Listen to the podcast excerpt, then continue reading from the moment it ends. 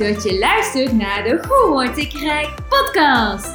Ben jij nou ook benieuwd hoe de wet van de aantrekking ervoor kan zorgen dat jij rijk wordt? Mijn naam is Tamara Straatman en ik ben multimiljonair. In mijn podcast deel ik met jou levenslessen over mindset, innerlijke rijkdom en hoe ook jij financieel rijk kunt worden. Een van mijn best beluisterde afleveringen is die over het creëren van een liefdevolle relatie. En deze heb ik niet eens gelanceerd tijdens Valentijnsdag. Moet je nagaan. Blijkbaar zijn we allemaal suckers for love. En dat is iets heel positiefs. Tenminste, ik vind dat van wel. Dat betekent dat liefde hoog op ons vaandel staat, maar dat we nog niet het ultieme geluk gevonden hebben. En hoop doet leven. Een vraag maakt dat we gaan zoeken. We zijn honger. Naastig op zoek naar het grote levensgeluk. Het fijne gezinnetje, de warme relatie, het fijne samen zijn. Het grote geluk. Vandaag gaan we het in mijn podcast dus hebben over deze vorm van rijkdom. Vorige week hebben we het uitgebreid gehad over stress en hoe je de afwezigheid van stress kunt laten floreren in jouw leven. Hoeveel invloed dit heeft op jouw algehele welzijn, het succes in jouw leven, maar ook op de kwaliteit van jouw relaties. En deze week gaan we dus dieper in op het thema van het creëren van ultiem liefdesgeluk. Want heb jij een beeld bij jouw ultieme liefdesrelatie? En ben je op dit moment ontevreden over jouw relatie? Of misschien zit je zelfs in een ongezonde relatie. Het is belangrijk voor jezelf om te weten wat jouw ideaal is en wat jouw huidige realiteit nu is. Want waarschijnlijk verruim je jouw grenzen en heb je daarom op dit moment niet de status van jouw ultieme liefdesgeluk. Het is dus van belang om even te fantaseren over jouw ultieme geluk. En dan niet alleen over je partner, maar ook hoe jij op dat moment in de relatie zit. Want uiteindelijk kun je alleen jouw ideale partner aantrekken als je zelf ook de beste versie van jezelf bent. Verlang je naar iemand die je serieus neemt, dan heb je jezelf eerst serieus te nemen. Je kunt het namelijk niet van je partner verwachten als je zelf niet de juiste kaders geschapen hebt. En dit geldt overigens in alle vormen van relatie, dus niet alleen die met je ideale partner. En nu hoef je ook niet meteen van jouw partner te verwisselen om dat ideale geluk te bereiken, want dat begint namelijk bij jou. Door hoe jij geconditioneerd bent als mens. Ik heb deze term ook al vaker in mijn podcast benoemd. En als je niet weet waar ik het nu over heb, luister dan eventjes voorgaande afleveringen. Maar jouw conditioneringen, die bepalen dus jouw gemoedstoestand, zowel fysiek als emotioneel. Het stuurt onze emoties, gedachten en gedrag aan, overigens geheel onbewust. En wat jij hiermee qua lichaamstaal, dan wel in woorden, dan wel in gedrag uitdraagt, heeft direct een uitwerking op de ander. Wellicht bespeur je wel eens dat de persoon in jouw omgeving totaal ander gedrag vertoont bij andere type mensen. Zo is de een wat dominanter, de ander wat meer onderdanig. De een wat meer spraakzaam en extravert, de ander wat meer ingetogen en introvert. En dit, maar ook andere factoren hebben onbewust een wisselwerking op elkaar. Het kan bijvoorbeeld wel eens voorkomen dat je volkomen dichtklapt bij iemand, terwijl je bij een ander persoon juist een spraakwaterval bent. En natuurlijk ga jij geen relatie aan met iemand waarbij je jezelf ongemakkelijk voelt. Hierboven zijn slechts wat voorbeelden van hoe wij mensen op elkaar kunnen reageren zonder dat we hier bewust van zijn of er direct iets mee kunnen doen. Ik bedoel hiermee te zeggen dat er tussen jou en je partner ook een wisselwerking is. En deze kan dus zowel positief dan wel negatief of deels positief en deels negatief ervaren worden. En dit gebeurt natuurlijk nooit in de prille verliefde fase. Tenzij je op dat moment al in een relatie bent waarbij het aantrekken en het afstoten van elkaar al extremere vormen heeft aangenomen. In de liefde noemen wij dit de paringsdans. We zoeken namelijk verbinding bij de ander in een deel van ons dat nog niet volledig is ontwikkeld. Bijvoorbeeld, een dominant persoon zou vallen op een onderdanig persoon en vice versa. Een excentriek persoon zou vallen op een introvert persoon en vice versa. We vallen op de verschillen. We zien iets in de ander wat we zelf ook graag willen zijn. We bewonderen dat en daarom worden we dus verliefd. Alleen zodra deze hormonale fase voorbij is, gaat de welbekende roze bril in de kast en bekijken we de ander vanuit een nieuw perspectief. Wat je bijvoorbeeld eerst zo aantrekkelijk vond aan de ander, vind je nu wellicht storend. En je vindt dat gedrag dus storend omdat dit een spiegel voor jou is voor hetgeen je nog niet ontwikkeld hebt. Hetgeen je dus eerst hebt bewonderd, ga je nu aan irriteren. Met alle gevolgen van dien voor de relatie. En zodra jij jezelf gaat werken en deze eigenschap wel bij jezelf tot ontwikkeling brengt, dan kom je dus meer in balans en stoor je minder aan de ander. Want je hebt nu ook geen bevestiging en erkenning meer nodig in hetgeen je jezelf nu ook gegeven hebt. En dit brengt dus rust en onvoorwaardelijke liefde binnen de relatie. En omdat dit rust bij jou geeft, ga je ook merken dat jouw positieve verandering doorwerkt op de ander. Ook deze komt namelijk meer in balans. Je groeit samen naar een completere versie van jezelf binnen de relatie. Het kan ook zijn dat de ander weerstand geeft op je nieuwe ik. Bijvoorbeeld in het geval van onderdanigheid versus dominantie. Waar er eerst heel veel ruimte was voor de ander, omdat de ander zich compleet weggecijferd heeft, ontstaat er nu dus een balans bij degene die zich altijd heeft weggecijferd en waardoor de dominante in opstand komt, want die verliest nu zijn positie. Of andersom, als het dominante wat milder wordt, dan wordt degene die onderdanig is wat onzeker, want die moet nu zelf leiding gaan, leiding gaan nemen over haar of zijn eigen leven. En die persoon die probeert wellicht opnieuw de controle terug te pakken. En jij krijgt wellicht te horen dat je minder lief bent geworden. Als je het via deze weg bekijkt, zijn wij geliefdes helemaal niet zo vriendelijk voor elkaar. Het is vooral onbewust eigenheimer zijn voor eigen gewin spelen.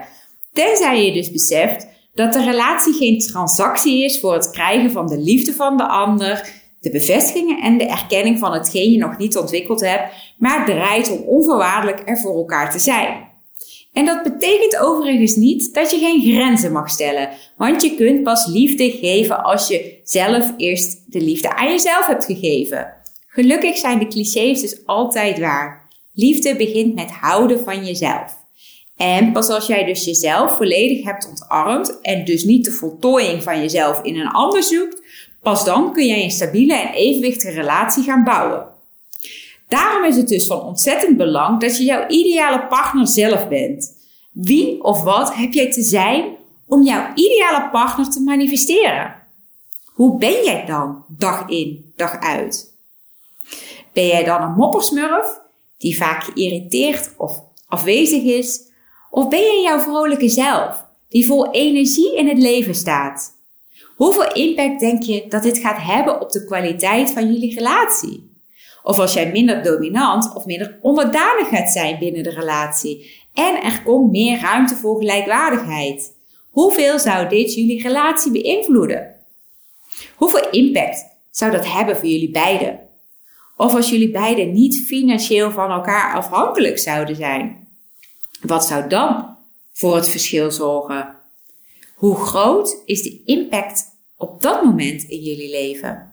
als je geen geldzorgen meer gaat ervaren? Hoeveel ruimte en hoeveel vrijheid zou jullie dat geven? En misschien bouw je dat je partner na jaren van samen zijn wel 10 kilo aangekomen is. Maar hoe gezond sta jij zelf in het leven? Ben je ook minder sexy als voorheen?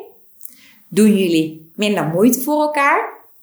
En hoe is jullie seksleven? Is hier nog steeds volop passie aanwezig? Of is dit inmiddels uitgeblust en wat meer een moesje geworden? Wat zou in dit geval wenselijk voor jou zijn? Voor jullie zijn? Wat voor seksleven zou jij wensen? En hoe zou jij willen dat je partner zichzelf verzorgt? En wat is dan jouw aandeel in dit verhaal? Hoe zou jij dit proces kunnen beïnvloeden op een leuke en gewenste manier?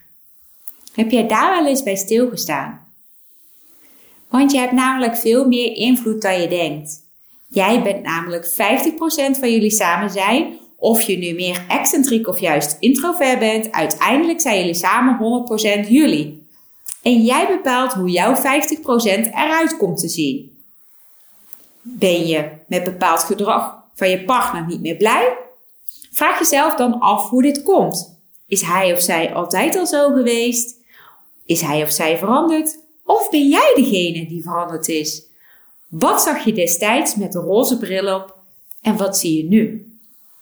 Als we onszelf namelijk altijd zouden gedragen alsof we elkaar pas net zouden kennen, hoe zou dan de kwaliteit van jullie relatie zijn? Als je nog steeds zoveel moeite voor elkaar zou doen als in het begin, toen iedereen nog fris en fruitig was, nog vastbesloten om de ander voor zich te winnen.